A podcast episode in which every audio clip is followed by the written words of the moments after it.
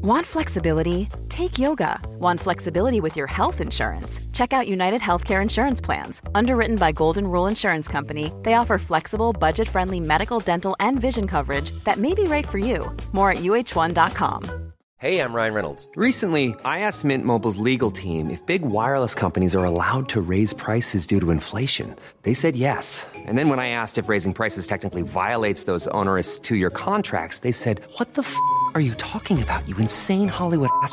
F- So to recap, we're cutting the price of Mint Unlimited from $30 a month to just $15 a month. Give it a try at mintmobile.com slash switch. $45 upfront for three months plus taxes and fees. Promo rate for new customers for limited time. Unlimited more than 40 gigabytes per month. Slows. Full terms at mintmobile.com. This message comes from BOF sponsor eBay. You'll know real when you get it. It'll say eBay Authenticity Guarantee. And you'll feel it. Maybe it's a head turning handbag, a watch that says it all, jewelry that makes you look like the gem, or sneakers and streetwear so fresh every step feels fly. eBay gets it. So look for the blue check mark next to that thing you love and be confident that every inch, stitch, sole, and logo is checked by experts. With eBay Authenticity Guarantee, you can trust that feeling of real is always in reach. Ensure your next purchase is the real deal. Visit eBay.com for terms. Quality sleep is essential for boosting energy, recovery, and well being. So, take your sleep to the next level with Sleep Number. With a Sleep Number smart bed, you can individualize your comfort level and enjoy a better sleep night after night. JD Power ranks Sleep Number number 1 in customer satisfaction with mattresses purchased in-store. And now the Queen Sleep Number C4 smart bed is only $1,599, a saving of $300, only for a limited time. For JD Power 2023 award information, visit jdpower.com/awards. Only at Sleep Number stores or sleepnumber.com.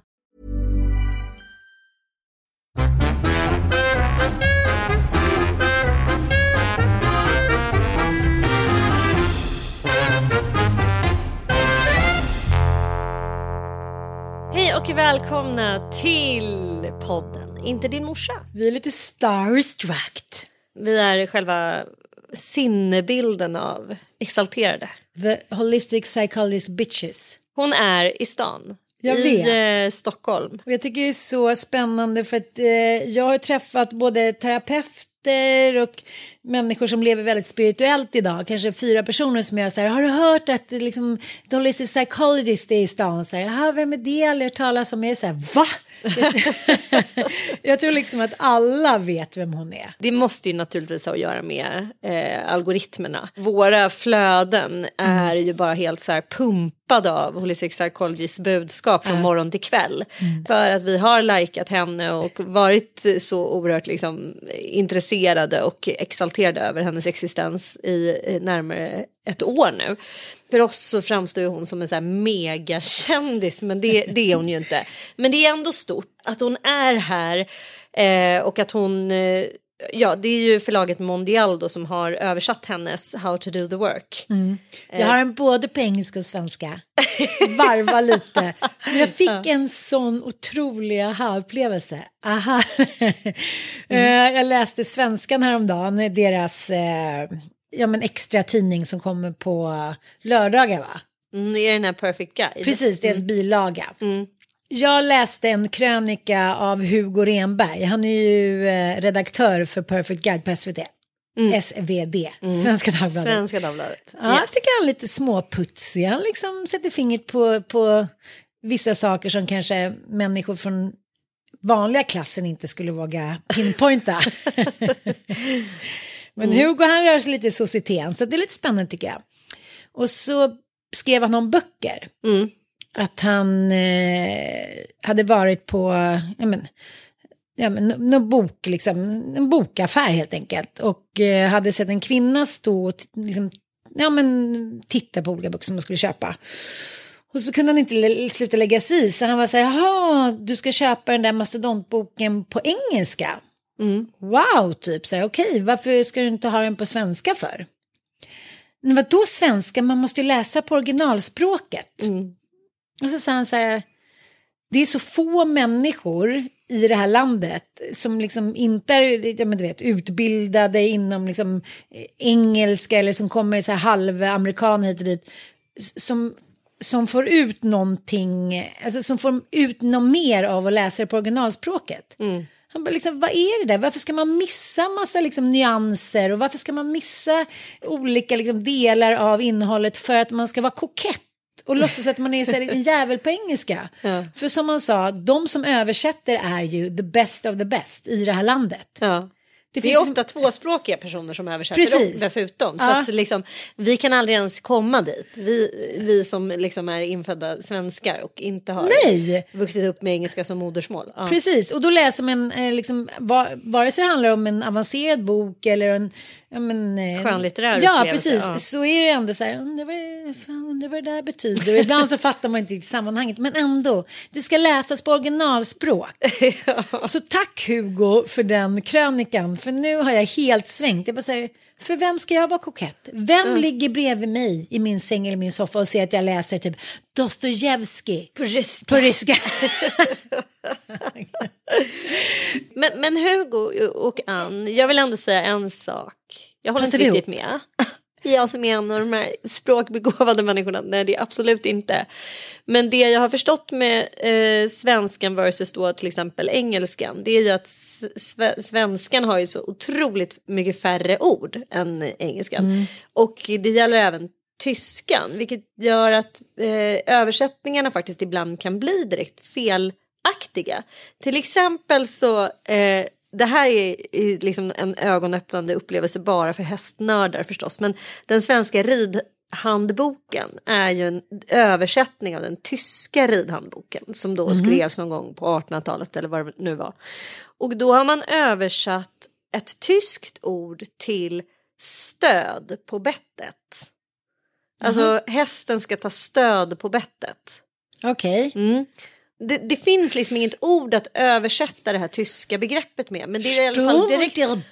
Ja, ja, men det har i alla fall skapat en helt eh, felaktig tolkning av att hästar ska inte alls gå runt och stödja sig på. Alltså det, det är ett ganska grovt eh, uttryck för en- en metallbit som är inne i ett djurs mun, att de ska stödja sig på det. Alltså förstår du? Att vi har ett, vi har ett mycket mer begränsat ordförråd vilket gör att det kan faktiskt direkt bli eh, skapa eh, missförstånd och fe, felaktiga eh, i synnerhet när det gäller vetenskaplig litteratur tänker jag. Ja, men Alltså- det kan jag förstå. Men jag tänker om man ska läsa liksom eh, en skönlitterär ju, ja, jag guj-guj-bok. fattar. Det handlar ju bara om att man ska kokettera Ja. med att man har någon typ av kunskap som inte andra har. Precis. Jag, jag är helt med honom på det. Men jag vill ändå bara lägga in en liten brasklapp. Ja, du får lägga in en I brasklapp. vissa fall. Ja, men Som jag är fortfarande team typ Hugo. jag är. Jag är team Hugo. Jag är team Hugo. Nej, men eftersom jag har båda då eh, Do the Work eh, med eh, the Nicola Parra. Ja, Nicola. Så håller jag på att läsa hela tiden den eh, engelska versionen. Mm. Och då direkt när jag läste den här krönikan så bara, "Äh, jag tar den svenska. Mm. Dels så plöjer jag ju svenska som liksom ett galet monster. Det går ju tre gånger så snabbt. Ja, eh, istället för så här, jaha, men det som kanske är bra det är ju att man läser lite långsammare, man tar in, man begrundar.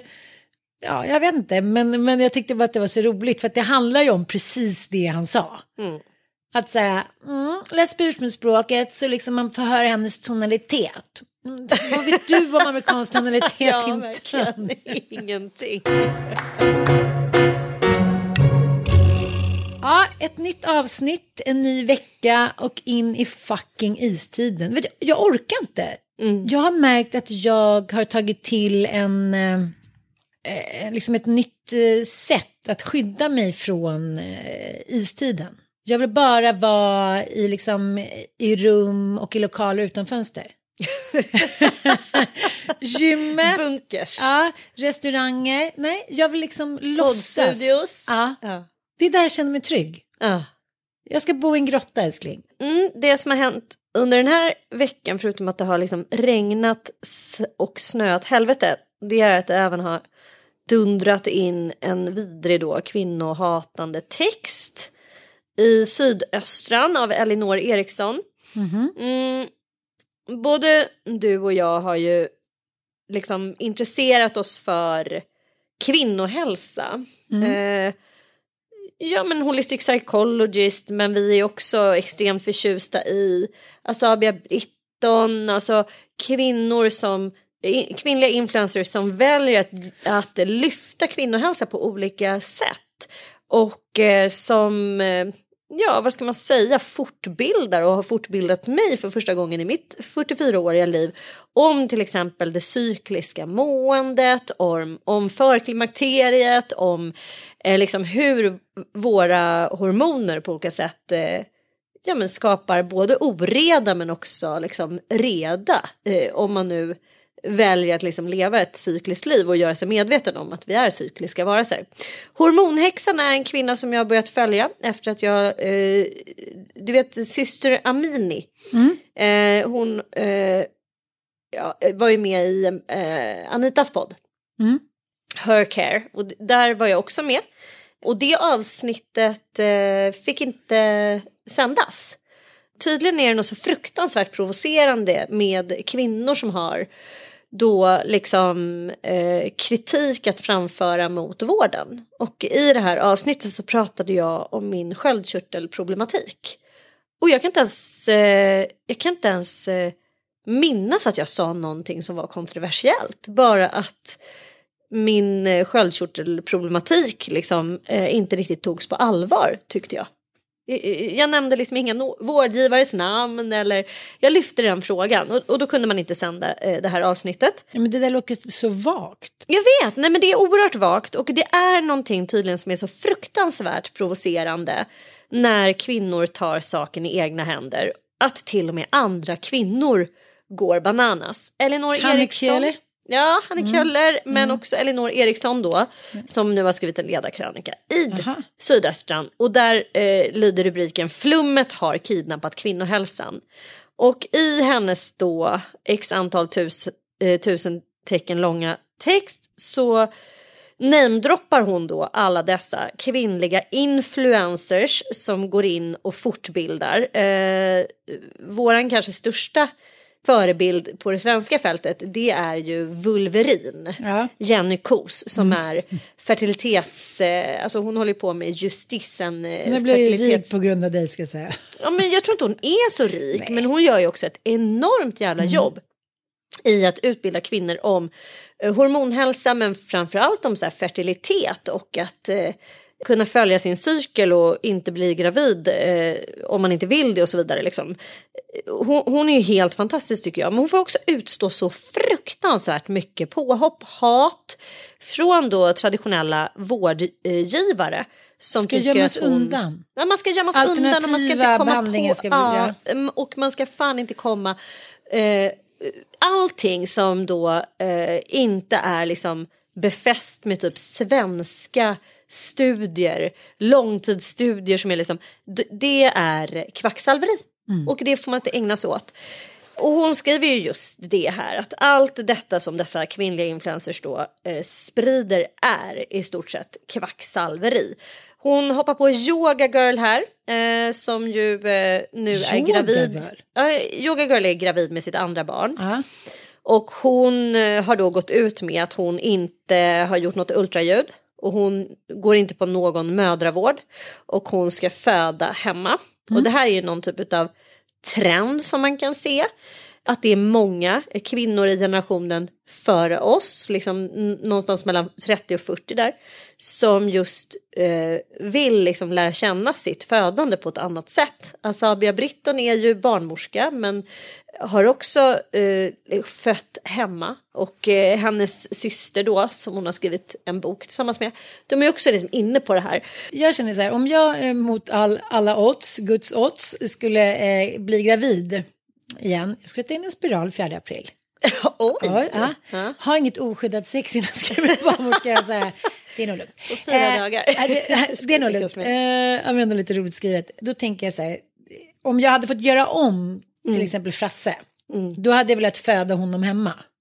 Om jag tar båda mina män som, har, som är fäder till mina pappor, deras liksom stresströskel eh, när det gäller liksom föda, blod hit och dit, de hade kanske kolat vippen om jag hade legat där hemma och fött och haft mig liksom.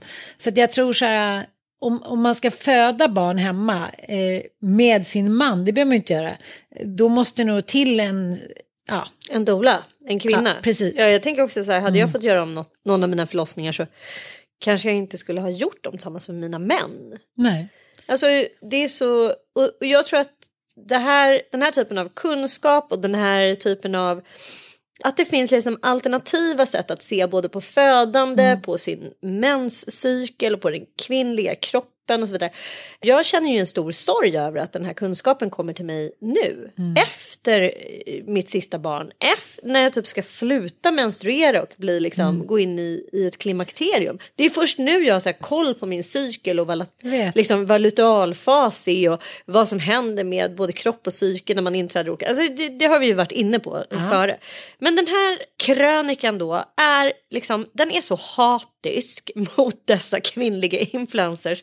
Alltså hon verkar vara så rädd för den här kunskapen. Hon kallar det för fejkade hälsoråd, kidnappa som jämställdhetsfrågor. Välkommen till flumfeminismen. Här kan du i faktaresistensens namn dö i livmoderhalscancer eller förblöda under din förlossning. Alltså hon är så jävla hatisk mot de här då som hon kallar kvacksalvarna. Och jag vill bara säga... Kallar hon dem Ja, kvacksalvorna hon. 2023? Mm, och jag, jag, bara, jag vet inte ens vem du är, Elinor Eriksson. Men för det första så vill jag säga till dig att du idiotförklarar kvinnor generellt, men kvinnor, alltså i synnerhet de kvinnor som följer de här kontona. Som om att vi inte hade koll på liksom, vetenskapliga paradigm, som om att vi inte eh, själva kunde navigera i varför vi har sökt upp den här kunskapen, som, som om att vi är helt liksom urkorkade får som inte kan värdera kunskap överhuvudtaget. Det gör mig liksom kränkt, ta mig fan. Nej men det, det här är också ett väldigt så här, man, det är bara liksom ett supermanligt perspektiv att direkt gå ut och kalla saker och ting för flum. Kan vi När få det- ett litet eh, textprov? Jo, absolut. Ja. Så här. Den gick förvisso av och fick lirkas ut, men förutom det var hemtestet bekvämt. Resultatet visade HPV-virus. Jag undersöktes och hade inga cellförändringar men kände en tacksamhet till vården som hade koll på mig. Framgångsrika influencers inom kvinnohälsa tycks inte känna samma sak. Det här är ett slags modernt kvacksalveri som har blivit trendigt. Kontot Hormonhäxan berättar hur hon fått allvarliga cellförändringar och rekommenderats omgående operation. Men hon tror inte på ingrepp och tackade bestämt nej till den läkare som ville skära i hennes blomma. Alltså hon förlöjligar hennes sätt att eh, kalla sin vagina för en blomma. Istället bjuder hon nu in till digitala föreläsningar om självläkning för tjejer i liknande sits. En del av dem troligen i behov av professionell behandling, sorgligt nog. Vilda graviditeter förespråkas av Yoga Girl, en av de största hälsoinfluerarna. Då går man inte på ultraljud eller annan mödravård. Graviditet ska nämligen inte ses som något medicinskt och kroppens signaler ska eh, kännas av ändå menar hon. Livsfarligt enligt gynekologerna. Ja, ni hör ju vart hon är på väg. Och eh, för det första tycker jag också att det är så här. Hon själv går in i den här texten med en egen upplevelse att hon känner sig så trygg för att vården har koll på henne. Och då vill jag bara säga till dig Elinor Eriksson, Det har den inte. nej men liksom det har den inte för väldigt många andra. Nej. Mig till exempel som har varit liksom undersökt av vården för olika tillstånd och fått liksom noll zero hjälp för det som har varit mitt problem. Och det är därför så många söker sig till alternativa konton. Därför att vården ofta har brustit när det gäller kvinnohälsa. För att vi inte får tillräcklig hjälp när det gäller hormonella besvär till exempel. Att det är en sån djungel att människor kan gå runt med hormonella obalanser i flera år och bara rekommenderas p-piller när det finns jättemycket andra saker att göra. Och leva i liksom årslångt lidande så här. Om man spolar tillbaka klockan i några år så fanns det ju bara alternativa behandlingar för kvinnor. För då skulle ju allting bara liksom skjutsas undan. Och sättet jag var på den här cancerföreläsningen då, med hur man har karvat bort bröst. Alltså gröpt ur kvinnobröst med cancerceller. Fast det har inte haft någon betydelse för det har bara behövt ta bort en liten, liten bit. Att man säger, ah, vi passar på här. Då tar vi, tänk om det skulle vara manligt, vi tar lite mer av kuken också. Hugg av skiten bara så får vi se om det... Ja men det är ju den inställning man har till kroppen, till kvinnliga kroppen, att den ska vara klinisk. Föd bara här, sen går du ut, vi tar dina barn ifrån dig hit och dit. Tack gode gud för att det här alternativa är tillbaka. Där det är lite, liksom, som du säger, lite själ, lite hjärta, lite andligt. Det här sterila, liksom, vad har det lett till? Det har inte lett till en... Ja men det jag tycker framförallt eh, med de här då kvinnoinfluencerserna, hor hormoninfluerarna, kan man sammanfatta dem eh, till det? Det är att jag tycker att de är brobryggare. Jag tycker att de är, alltså Asabia Britton är väl en, en typisk brobryggare som ju är utbildad barnmorska som verkligen gör ett jättejobb med att både liksom täcka det alternativa eh, tillsammans med det traditionellt eh, vetenskapliga. Att man faktiskt kan kombinera de här världarna. Det är väl det bästa när, liksom, när man kan mötas på något sätt. Men det finns ju vissa människor då som är så, de är så otroligt rädda för eh, att saker och ting inte är mätbara och att det inte går att liksom, verifiera med vetenskapliga studier som är gjorda enligt konstens alla fucking regler. Som tror att det på något sätt borgar för att, att man ska bli frisk. Men de är inte tyvärr är ju rädda för inte så. kvinnor. Är de inte rädda för att vara kvinnor? Jag, jag tror att man är rädd för det okända och att, att man är så himla himla rädd också för att man inte... Alltså jag tror att det handlar om någon typ av existentiell eh, så här, eh, ångest. Att man är så rädd för att sak, saker och ting inte alltid har svar. Att det inte finns svar till allt. Men det är väl det som hela den debatten om eh, att barn har tagit makten handlar om. Att man inte längre vågar känna in liksom, att man har en naturlig auktoritet som förälder. Man ska såklart vara snäll och gullig och älska dem hela tiden i första hand. Men känner hur jag själv har lagt ner så mycket timmar på att här, känna in vad barnen vill ha tills de till slut inte själva känner det. Som jag tänker mina stora killar. Nu är jag med så här, nej nu går vi dit, då, ni får det här, så med Frasse och Bobo. Och de är så här, okej då, och så trilskas de lite ibland och sen nej okej då. De- går liksom inte in i clinch. Medan liksom mina stora killar alltid varit så, då ska vi ha lite så, sen ska vi ha lite så, tänker jag inte göra, då vill jag ha det, annars kommer inte jag förlänga, det är alltid hela tiden, jag har låtit dem villkora allting. Det har blivit liksom så, man har blivit så utmattad som förälder och det är man själv som har ställt till det. Ja, men jag tror också att det är, eh, eller är det en själv som har ställt till det? För det, det är ju som, så fort det dyker upp nya metoder i både liksom, ja men all typ av uppfostran, manualer och så här pedagogiska modeller. Så stirrar vi oss blinda på de här modellerna och teorierna eh, istället för att lyssna till det som känns rätt och riktigt. Alltså så här lex Anna Wahlgren så här, du ska bumpa på barnet, du ska köra över tröskeln och så står man och gör det fast man bara känner instinktivt att så här, nej men gud det här barnet mår jättedåligt, jag måste plocka upp det och samsova. Alltså, Amningsmetoderna, Ja, så här, olika 60-talet, var tredje timma. Tumgreppet på bröstvårtan. Man bara nej men liksom, vi behöver inte olika metoder och teorier och strategier. De är bara där som mentala snuttefilter för att man känner sig så jävla lost och vilse som nybliven förälder. Men att liksom lyssna på sina inneboende djuriska instinkter räcker jävligt långt ska jag säga. Men sen också en rädsla för att kvinnor, alltså så här, män eh, också tycker jag mig se eh, en så strukturellt maktproblem att män ofta har velat kontrollera kvinnor. Kontrollera tillgängligheten till kvinnors kroppar om man tittar på liksom, amningsidealet. Det här att man ska säga Ja, det är normalt att amma i sex månader om man tittar på vad som har stått i de här böckerna man har fått med sig från BVC. Hur länge har du ammat det här barnet? Man bara, eh, varför är det ens viktigt att fråga, ställa Är det viktigt frågan? för er? Är det viktigt för er att veta det? Och att det är, anses vara liksom onormalt att amma sitt barn längre än ett och ett eh, Alltså n- när jag födde Olga, då var det konstigt att amma i mer än sex månader. Nu har ju det här förändrats jättemycket. Men då Mm. Och det var beror ju verkligen på de det. alternativa kontona. Ja, ja, det Ja. beror jättemycket på de alternativa kontona. Att man är så här, har ifrågasatt de här vedertagna sanningarna som har stått inpräntat på typ BVC. Samt också när man föder barn och de bara klippte navelsträngen. Nu, jag hade ingen aning om vad så här sen avnavling var, Nej. om inte jag hade följt de alternativa kontona. De bara så här helt random tar prover eller nu till exempel så fick jag frågan om skalpelektroder. Att sätta Ja. en skalpelektrod Ja. på ett barn, det är en ganska stor liksom, intervention att göra på ett barns huvud. Det gör ju ont på en ofödd bebis att sätta, en, liksom, sätta fast någonting i skalpen på en unge. De känner inget. Ja, men det har ju varit en vanlig föreställning att de har inga känslor när de är sådär små. De ligger ändå där så trångt i passagen. Men att det faktiskt är en samtyckesfråga. Man ska bli tillfrågad, är det okej att vi sätter en skalpelektrod? De har satt skalpelektrod på alla mina barn förutom Olga som föddes med akutsnitt. Ingen har frågat. De har bara gjort det. Alltså, det Jag så... minns inte ens, men jag tycker att det var stor skillnad när jag födde Frasse.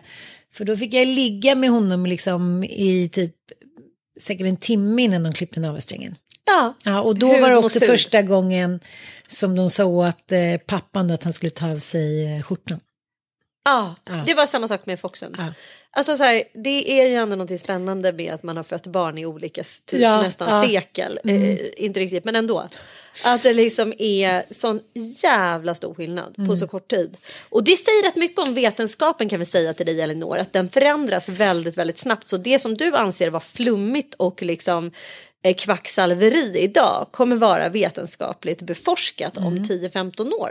I, Kalilili. Men jag tänkte när jag såg den här intervjun med eh, Johanna Blad. Mm. Hon är ju eh, profil på Motherhood här på Aller. Mm. Eh, och hon har ju... Eh, Ja, hon började amma sin unge där i ja, direktsändning. men hon har ju verkligen varit öppen eh, om ett... Ja, hon har haft problem med att bli gravid. Hon har mått illa under graviditeten. Hon har varit så här... Allt är inte så kul som det framställs. Och sen så ammade hon sin unge i TV4-soffan. Mm. Och det här blev ju då 2023 ramaskri Ja, från göbbar och tanter Mm, ute liksom. eh, absurt alltså. Ja, och det är helt sjukt. Och hon säger det liksom till Må bra, de har skrivit så hemska saker. Vissa har till och med jämfört det här med att bajsa. I direktsänd tv. alltså det är så knäppt. Jag förstår inte vad det är som upprör så otroligt mycket liksom. Mm. Hon sitter där med, och ammar, hon, det är inte ens att hon, eh, där, oj nu ska jag klä av mig och göra en stor grej. Hon tar ner sin amnings-bh och lägger barnet vid tutten. Mm. Bajsa. Ja, det är helt otroligt liksom. Så sjukt. Nej, och eh, hon tänkte inte så mycket på det utan gjorde det då. Och sen så kommer det här eh, hatet liksom.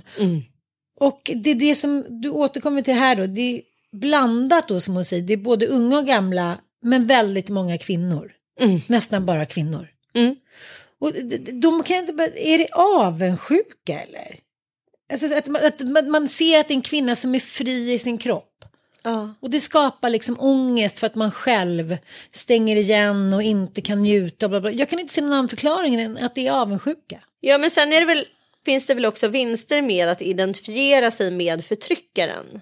Alltså det Ja. kan man ju se så här, jag menar det, det kan ju förklara varför Hitler hade så många liksom ja-sägare kring sig. Att det finns en oerhörd liksom rädsla i att eh, ställa sig på den, på den andra sidan så att säga. Att man ser så här, "Haha, bara jag stannar kvar här och fortsätter att hjälpa till eh, med det här förtrycket så kan Mm. jag liksom klara mig själv. Typ. Alltså jag, jag kan klara mig undan förtrycket Men jag själv. får också vara med i den här nya gruppen som håller med mig. Mm. Jag hör också ibland män försvara så här eh, uppfostringsmetoder. Eh, till exempel, det tycker jag är ganska fascinerande, ute i min eh, småort där jag bor. Där har jag startat upp en, en ny eh, skola. Eh, en friskola. Jag tänker inte nämna några friskolekoncerns Nej, namn här. nej, Men de är liksom kända för lite hårda tag. Så här, att De har inga problem med barn med NPF-diagnoser och sånt. För det är samma regler för alla. Alla ställs upp på led och man räcker upp handen. Man sitter inte och pratar. De, de har liksom en profil där de har lite mer gammeldags struktur och sådär. Och då kan man ju tänka sig ute i mitt samhälle där det är mycket hantverkare, det är många som inte ens har gått liksom, eh, mer än grundskolan, alltså det är hyfsat så här låg, eh, ja men alltså lågutbildad befolkning typ. Att de skulle tycka att det här kändes lite så här, nej men gud, jag vill inte att mina ungar ska så här, gå runt och ha klädkod och eh, uppstyrt och eh, att man ska ställas upp på led och så här. Men nej, nej, nej. det, det, här omfamnar hela mitt samhälle. De tycker att det här är fantastiskt. Det här är så jävla bra. Ungarna ska ha hårda tag. Nu är någon som uppfostrar alla skitungarna. Ja, liksom så här. Eh, det, det krockar lite i mitt huvud på något sätt. Att jag är så här, jaha, eh, liksom. Och det är väl också så här medelklassens stora fall. Att man liksom identifierar sig upp uppåt. Så att mm. därför har vi lånat så jävla mycket pengar i det här landet. För att vi, mm. och röstat fram en politik som egentligen kanske i slutändan kommer förgöra oss. Liksom. För att vi vill identifiera oss uppåt mm. mot förtryckarmakten. Mm. Ja, men, liksom, det är som det här eh, begreppet cool girl eller one of the boys. När man är en sån här eh, drömtjej för eh, killar. Man har bara killkompisar, man menar att killar är mer lojala än tjejer, man är sportig, smart men inte nördig, man är liksom eh, så här, med på allt i sängen men man är inte galen i huvudet liksom de gillar att dricka bärs med grabbarna och spela dataspel typ. Ja, men och de sitter inte och pratar om sin hormonhälsa och Nej. omfamnar det feminina. Utan då tar man en bärs istället. Ja, de är liksom... liksom extremt feminina bara i, i hur, hur de ser ut. Ja, men för det måste de, de måste vara knullbara. Ja, de måste vara knullbara, ja. absolut. Och de identifierar sig då mer med killarna har de intalat sig själva. Men det, mm. men, alltså, det måste finnas downsides med att så här, vara one of the guys. Ja men det är väl att man, vad är det liksom?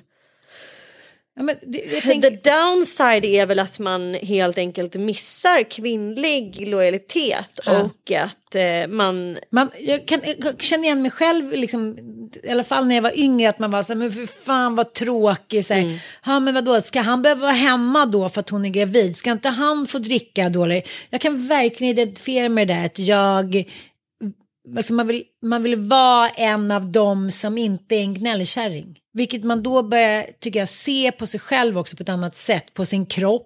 Mm. På, som du menar på sin graviditet. Jag kommer ihåg min, min första graviditet. Jag skulle liksom, jag skulle vara med och det skulle, man skulle liksom vara med och festa även fast man inte kunde dricka. Och man skulle aldrig visa att man var trött eller hade behov. Mm. Jag tror att jag identifierat mig som en av liksom, the cool girls har gjort att jag haft svårt, som vi har pratat om, att bli mamma, Att så här, släppa kontrollen och låta någon annan så här, sköta biffen.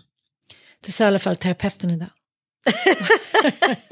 ja men det är verkligen det och det, hon är inne på det också att en cool girl har, en cool girl har aldrig PMS. För hon är alltid chill. Precis. Hon har aldrig på så här gråter över småsaker eller skapar drama. Hon tar en bärs istället. Jag kommer ihåg när, man var 20-årsåldern skulle börja åka på lite så längre resor, åka till Thailand. Det så här, men ska du, inte, ska du inte gå till din gyn då så får du så här, tabletter så du inte får mens. Mm. Typ om, så att du kan vara knullbar typ. Och att säga, men det kanske är jobbigt då när du ska bada och så. Mm. Man bara okej, okay, men då bara experimentera lite, då bara stoppar de dansen. Det så här.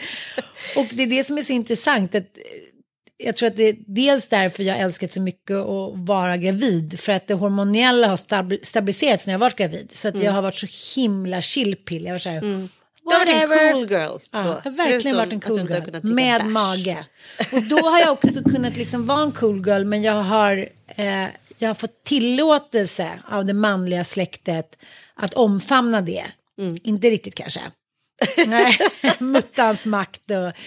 Nej, jag, jag håller med dig älskling. Jag, jag ångrar så mycket. Jag, jag, jag sörjer att jag har varit en cool girl. Jag hade önskat att jag hade varit mycket mer cyklisk i mitt liv och krävt att få vara det. Mm. Och en kompis till mig har ju börjat äta då eh, med medicin mot sin PMS. Mm. Och så nej, vet du, det är så mycket av nyanserna i mitt liv som har försvunnit. Mm. Eh, jag menar så här, chansen att äntligen få leva ut och vara arg och säga vad jag tycker i min relation eller vad som liksom är orättvist eller att få känna sig liten och få känna att, så här, att man är på något sätt djurisk. Mm. Nu, bara, nu är jag jämn hela tiden, så jävla tråkigt. Mm. Eller typ att bli berövad sina kåtaste ögonblick. Ja. Eh, för det är ju också ganska intressant att så här, alla kvinnor som börjar notera sin cykel, alltså jag skojar inte, alla jag känner som har börjat göra det, är rörande överens om att de är liksom dunderkåta vid ägglossning. Och så här, ja, gud, skulle det krävas 40 år av ett liv för att komma fram till det? Har inte varit svårt för mig, så jag har inte varit svårt. Själv har ägglossningsbarn. Men jag har varit Ja, men det är liksom galen. häpnadsväckande att det är så många som liksom inte ens eh, vill erkänna att det är så eller att p-piller inte skulle ta bort eller ta udden av den här kåtheten. Eller att det på något sätt eh, är viktigare att känna då att man skyddar sig från en graviditet än att få känna den där kåtheten. Jag vet inte. Nej, men det är liksom... Jag, eh, till skillnad från Elinor Eriksson, vill tacka alla dessa influencers eh, för att ni finns där ute. Och eh, jag är inte ett dugg orolig över kvinnos, att eh, kvinnosläktet ska bli förledda av er. Jag, jag har liksom större tilltro än så till våra liksom... Men jag tänker, det var det som Johanna sa också när hon hade ammat i tv. Hon sa, nu har det ju gått liksom en liten stund. Men det som många ifrågasatte också, vilket jag eh, tycker stärker det du säger, att samhället måste få gå in och toppstyra hur kvinnor beter sig med sin kropp. Så här, var du verkligen tvungen att amma? Var hon hungrig? Eh, Kunde du inte ha väntat? Så här, Ja, det där får man väl fortfarande sköta liksom i kulisserna. Mm. Och nästan uteslutande kvinnor. Mm.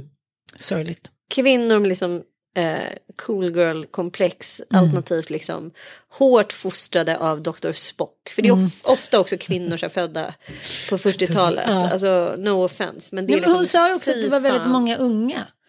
Ja, unga Det har ju pendlat också. Eh, Ja, men de blir nykonservativa. det går ju i vågor hela tiden. Och det kommer ju en jättestor generation som överhuvudtaget inte vill ha barn, och som inte vill amma, som inte vill föda, som tycker allt sånt är skitäckligt.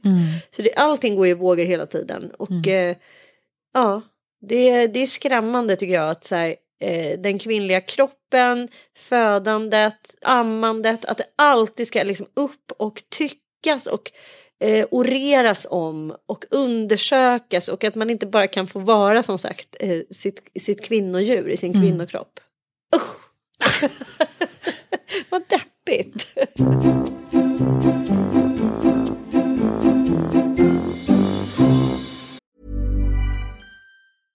Want flexibility? Take yoga. Want flexibility with your health insurance? Check out United Healthcare Insurance Plans. Underwritten by Golden Rule Insurance Company, they offer flexible, budget friendly medical, dental, and vision coverage that may be right for you. More at uh1.com.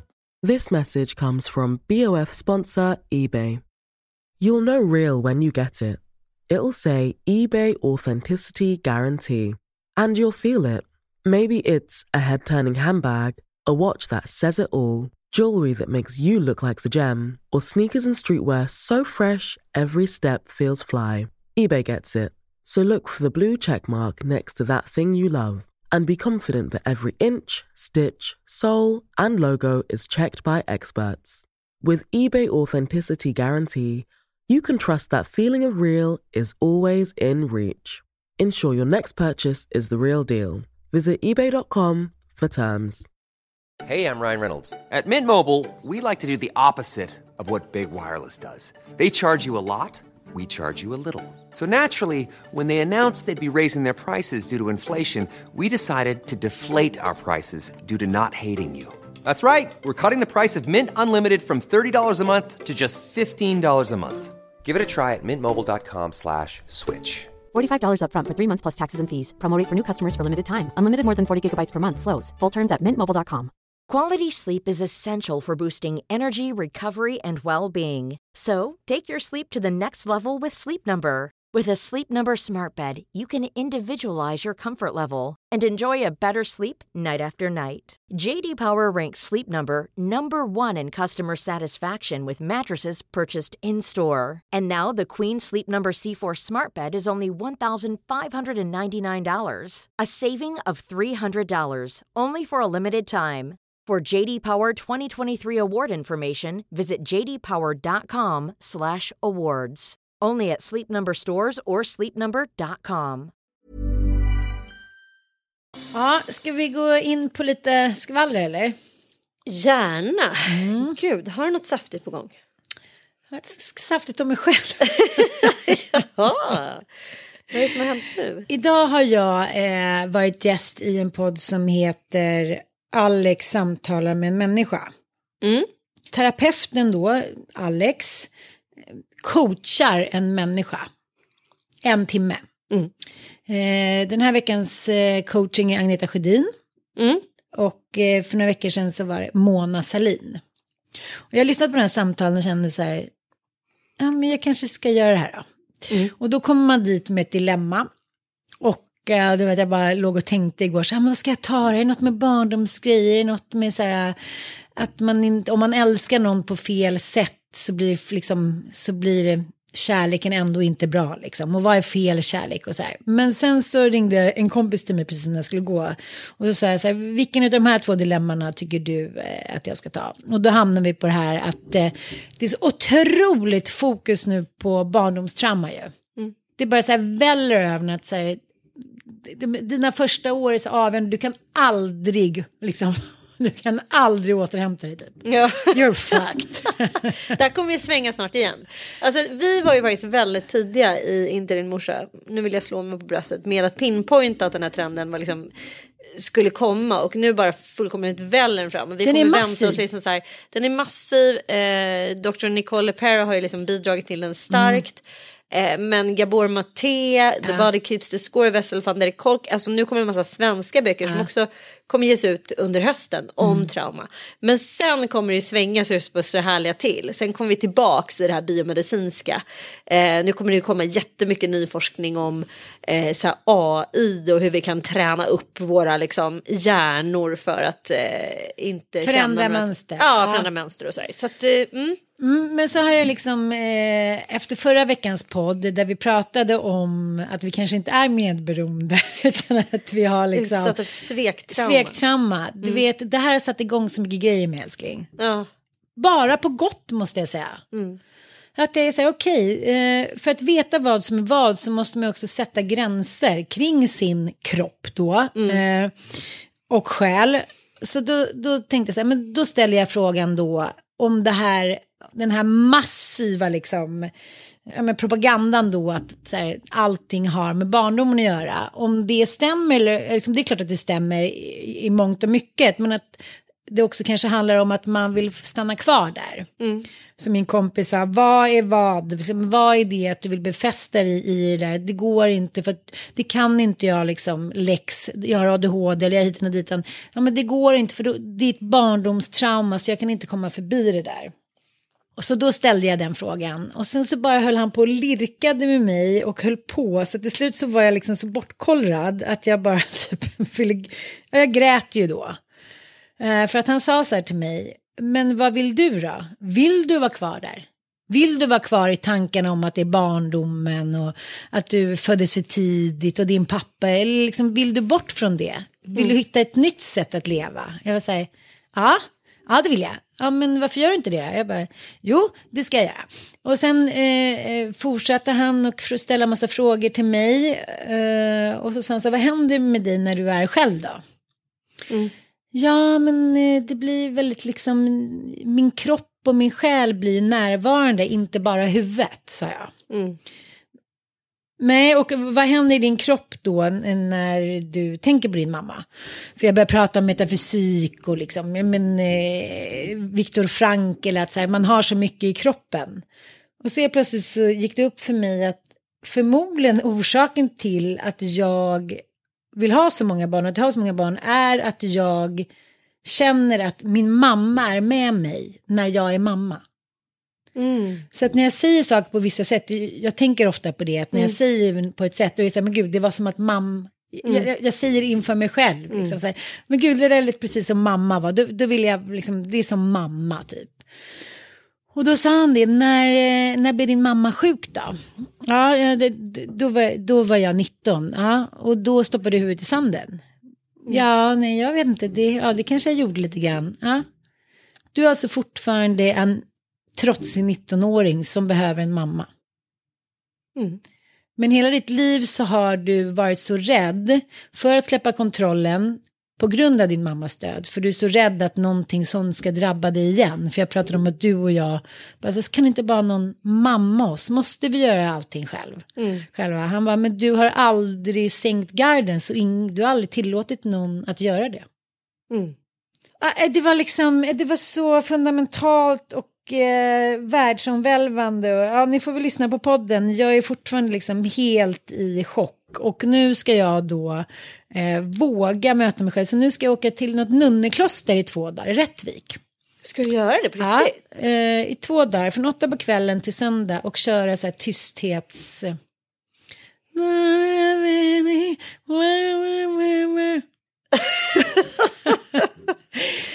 Ann på tystnadsrecit. Ja. Det här är nästan så här. Alltså det här är typ värt en dokumentärfilmare by your side. För att alltså jag kan inte tänka mig något mer Spektakulärt. spektakulärt. Nej. Jag sa det, kommer jag få... Eh, vad kommer hända med mig? Ja, det kommer ju vara helt vidrigt i början och du kommer förmodligen få... Eh, du kommer hamna i olika liksom, faser såklart och du kommer få panikångestattacker. Jag var så här... eh, Jaha, okej. Men eh, ja, jag, jag tänker att jag ska testa det. Och sen precis när vi hade spelat in klart och så sa han så här... Kommer du ihåg när vi dejtade varandra? Jag var så här...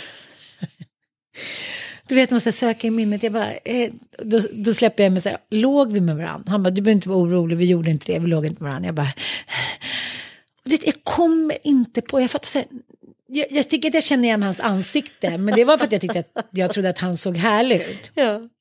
Alltså ändå lite, Alex är, han terapeut? Ja, Lite gränslös människa. Han bjuder in dig till podden fast han vet att ni har dejtat. Och så bara eh, kommer han in rätt in i ditt så här djupaste, mest smärtsamma. Och bandar det. Det var inte så här, gud vill du träffa någon efteråt? Eller du kanske behöver prata med någon nu. nej men det, det, det kändes inte alls så. Och det var, det var ju som han sa, vi tog ju en fika på Rosendals trädgård och konstaterade ganska snabbt att vi var båda för mycket i kris. Så vi kramade varandra och gick därifrån. Ja. Så du behöver inte oroa att det var något mer. Jag bara, men nu kanske det kan bli det. Eh, det känns ändå häftigt att jag nu ska gå andningskurs och åka på två dagars tystläger med nunnor, eh, katolska nunnor och kristna präster. Enda stället i Sverige. Ja. Jag, jag, jag vet inte hur det ska gå till, men eh, jag tänker göra i alla fall. Fortsättning följer. Helt otroligt. Mm, mm. Vad har du gjort?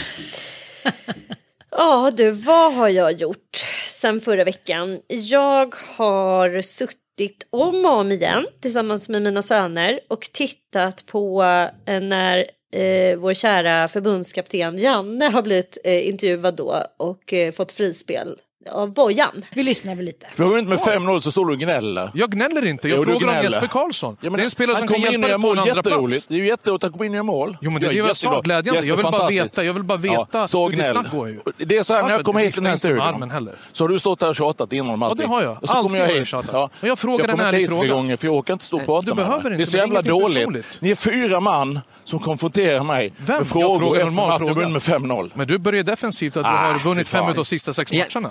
Som förbundskapten måste du. Sluta. Du har representerat 10 miljoner människor. Men vad är- och vad du på representerar någon som är yngre Vad än dig. representerar du? Ja, Sverige såklart. Jag skulle ju skriva till dig så här, ska vi trycka upp en t-shirt? För att jag känner så här, nej men gode gud, kan alla bara skaffa sig ett liv? Fem män som har tittat på en match, Ja. som nu lever någon form av så här inre stress över att någon tyckte någonting och nu är det liksom rasista bara. Men det är också så här fem män, alltså det är också så här. Fem män och fem babies. Ja, det är liksom film. också det att det är roligt att män tycker att kvinnor är hysteriska Ja. och hormonstinna. Man bara, men eh, titta på det här klippet och se liksom ett gäng hysteriska män. Klimakteriegubbar. Ja, som inte klarar av att hålla konceptet ens i liksom framför tv-kamerorna. Det är liksom helt bisarrt. De släpper, de bara släpper det. Ja, och sen är det ju intressant också av den anledningen att det har blivit en sån vattendelare.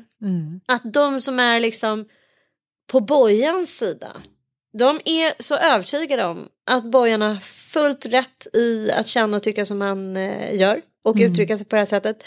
Och eh, de som är inne på Jannes sida tycker då att det är liksom helt oförklarligt att Bojan beter sig som han gör. Det är liksom en total omöjlighet att se bägges eh, perspektiv eller att bara som du och jag krasst konstatera Ja, men vem fan tror att det kommer ske någonting annat när det redan är en sån här upprörd stämning? Det är klart att folk kommer bete sig som kukhuvuden och vräka ur sig all möjlig skit. Men jag tänker ändå eh, att det är märkligt att, att Bojan får kalla sig själv för journalist. Man måste ändå betrakta någon som någon typ av krönikör för han har ju extremt mycket åsikter. En journalists viktigaste eh, uppgift det är att förhålla sig oberoende och inte gå in i känslan när man intervjuar människor. Du ska ställa kritiska frågor, absolut, men att på det här sättet bara liksom brusa upp i någon slags så här mega macho galenskap. Så här, det tycker inte jag är en journalistisk Nej, dygd. nej, om jag får säga. nej. Vad tycker. Och inför hela svenska folket. När jag bara kände så här, nej men hur går vi vidare? Hur, hur kan det här, det här liksom blivit en nationell vattendelare. Men hur kan vi ha sett ens, hur kan de ens sända det här? Varför säger man inte bara bryt, hallå gubbar, lugna ner er. Det här är liksom så här, de Mm. Det här är ligger väl ändå, värdigt. det här är inte värdigt, nu får ni Nej, faktiskt mm, ge er. Varför är det ingen som ingriper av de här andra Nej, fyra så personerna? nervösa. Män, bara- som, så här, män som måste stå på mäns sida och nu är det två män, som Män tycker som olika. slickar uppåt Ja. också. Och då Alltså, vet de bara, inte vad de ska ta var sig jag till. Mm. stå någonstans? Alltså vad är det här? Det är, liksom, det är bara, tycker jag, ett stort jävla bevis för att manssläktet är liksom ute på hal is på något sätt. Ska utraderas. De ska utraderas. Nej, och, och så dagen efter de ringer och ber om ursäkt till varandra och eh, han svarar inte Bojan och sen citatet som jag nu vill ha på en collegetröja. Ja. Jag kan förlåta, men inte glömma. Nej, okej, men då ska du vara med en kvinna under en vecka och se vad hon råkar ut för för skit. Och sen ska vi se om du säger en, din patetiska sate. Jag måste ta en bullerbit, jag blir så upprörd. Ah, gud, det där var inte bra för er svenska män efter den senaste debatten om att ni liksom har tappat fotfästet. Nej, och så här, ja, gå upp i känsla på ett sätt som är... Det är typ också den enda gången när män tillåts visa känslor. Det är när sport är inblandat. Då kan man liksom stå och skrika och förlora koncepten. Mm. Eller och, kramas. eller kramas, eller liksom Kasta sig på varandra. kasta sig, gråta. Eh, så. Det, där och då är alla känslor tillåtna. Mm. Religiösa gester, även fast Ja. inte är religiösa. Och så här, rasistiska utspel, alltså det är så här, inga lagar om någonting beträffande liksom hur det är att vara man, allt bara upphör. Ja, det är som att säga, vi har inte varit med under de 2000 årens senaste utveckling. Nej. Det är bara, allt försvann bara. För vi fick en känsla. Fotbollskänsla. Fotbollsrelaterad känsla. Det är en diagnos. Sen har jag också eh, det som har hänt i mitt privatliv. Om jag ska gå in på den lilla biten. Det är förutom att det är vinter och ofantligt mycket skottning och liksom eh, ett helvetiskt så eh, tungrott jobb eh, som man trodde att man liksom var färdig med för årstiden. Eh, det har tagit mycket av min tid. Men sen har vi också rivit ut hela vårt kök. Kanon. Kanon. Men till saken hör att det faktiskt har blivit väldigt kanon. Därför att vi har då, ja vi har ju inget kök för vi ska eh, renovera köket. Vilket ju både var extremt behövligt för att jag höll på att falla isär på olika sätt. Eh, och det ska också bli råhärligt att få göra det så som vi har drömt om i så många år. Men det har gjort att vi nu har inrett en liten, i vårt vardagsrum, en liten pentryhörna. Och det är så jävla intressant att se vad som händer med en grupp människor. Eh, när man bara liksom ändrar karaktären av ett rum. Vi är inte så mycket i det där vardagsrummet. Det är liksom ett jätterum. Eh, massa med fönster i fil. Det är jättevackert ljus där inne. Det är matsalsbord och så är det liksom sittgrupper. Men vi är extremt lite där inne. Det Och är så svårt att orientera sig när det är som en fotbollsplan. Nej, det, det, jag tror inte att det är det som är grejen. Det, det är att människor generellt vill vistas vid spisens härd. Mm. Som i alla tider. Eller tvns här. Ja, och, Mm. och tvn och spisen. Men grejen är den att här har jag dragit slutsatsen att spisens härd har större dragningskraft än tvn. Mm. Därför att vi har ingen tv i, vårt, i, i det här stora eh, vardagsrummet. Nej, det har har inte. aldrig haft. Vi har en, liksom, en öppen spis och vi har nu den här lilla konstiga pentryhörnan. Och vi är där hela tiden. Och det har liksom skett underverk med mina barn. Helt plötsligt spelar de schack medan jag står och då lagar någon konstig nudelsoppa på, som serveras i plasttallrikar. Vi har ingen diskmaskin, vi har ingenstans att diska. Vi har Men liksom vad då är det som en, som en liten kokplatta med två plattor? Ja, men vi, vi har liksom, du vet vid vårt stora matsalsbord. Ja. eh, där inne har vi liksom eh, satt upp en bänk där vi har en mikro, vi har två sådana här små plattor, vi har eh, ett kylskåp och en liten frys. Och så, ja, där får vi liksom äta på, vi har ju ingen diskmaskin, vi har ju Vatten får vi ta från ett av badrummen liksom, så det går inte att diska. Smälta snö rätt ner i munnen. Nej men det här är ju så här, barnen tycker att det är råmysigt. Mm, det är klart, bo i en etta bara. Ja det är som att man bor i en etta. Det är så överskattat med eh, mycket space. Rumsindelning. Barn älskar ju att vara liksom på samma plats bara som den där spisen där det finns massa göttis och massa Ja. frukt och massa saker.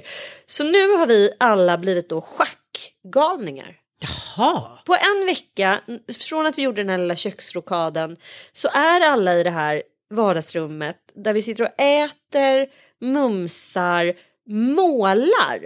Helt plötsligt bara tog alla fram på det här jättestora matsalsbordet som bara stått ekande tomt. Hur mycket färger, pennor, vi har bara målat hur mycket som helst. Och spelar schack. Och lyssnar på yogisk musik i högtalare. Det, är låter vårt nya sjukt. liv. Ja, det är Är det- helt sjukt. Tar ni svamp snöar det. också? man kan tro det, men det gör Ja, vi det inte. inte. Men lyssna på mig. Slutsatsen jag drar av detta det är att det är mycket bra att göra väl, alltså, små förändringar, små fysiska praktiska förändringar kan leda till så jävla stora upplevelseförändringar. Jag fattar. Alltså bara så här att möblera om, att flytta på små saker, att ändra på någon liten så här vana kan faktiskt förändra väldigt mycket mer än vad man tror. Gud, Det är rätt bisarrt. spännande tycker jag. Så Ja. det har jag funderat mycket över den här veckan. Att liksom, det kanske inte behövs liksom 25 års terapi utan ibland är det liksom bara så här, det här att vi måste ändra på någon visuell upplevelse Mm. eller en så våga göra mer. Raka av dig skägget. Ja, raka av dig skägget, klippa av dig håret. Ja.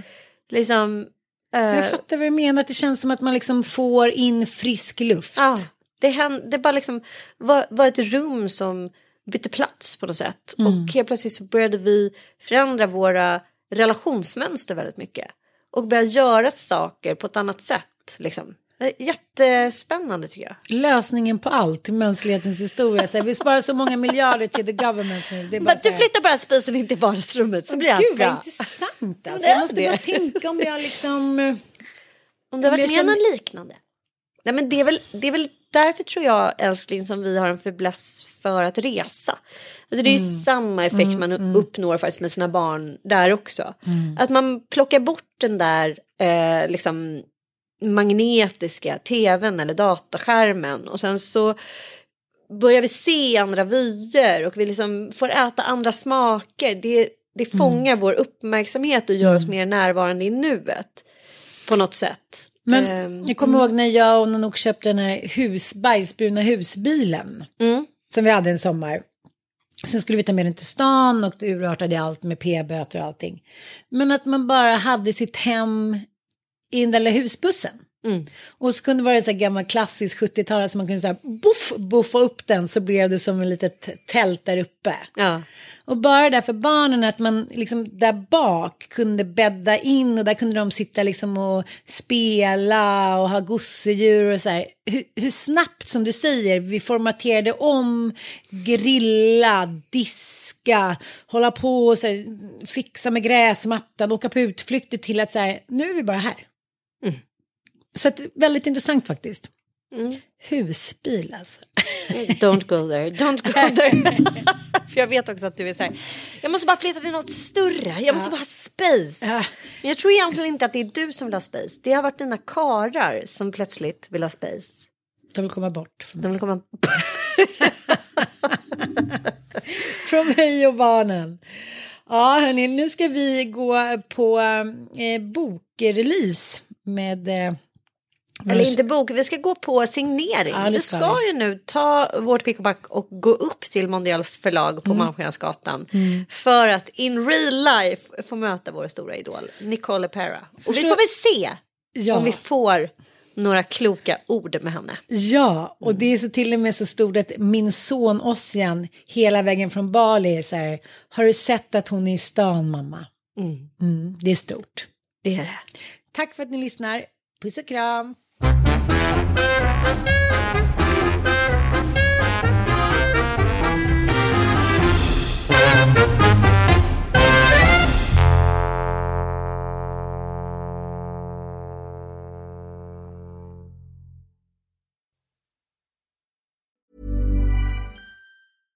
This message comes from BOF sponsor eBay. You'll know real when you get it. It'll say eBay Authenticity Guarantee. And you'll feel it. Maybe it's a head turning handbag, a watch that says it all, jewelry that makes you look like the gem, or sneakers and streetwear so fresh every step feels fly. eBay gets it. So look for the blue check mark next to that thing you love and be confident that every inch, stitch, sole, and logo is checked by experts. With eBay Authenticity Guarantee, you can trust that feeling of real is always in reach. Ensure your next purchase is the real deal. Visit eBay.com for terms.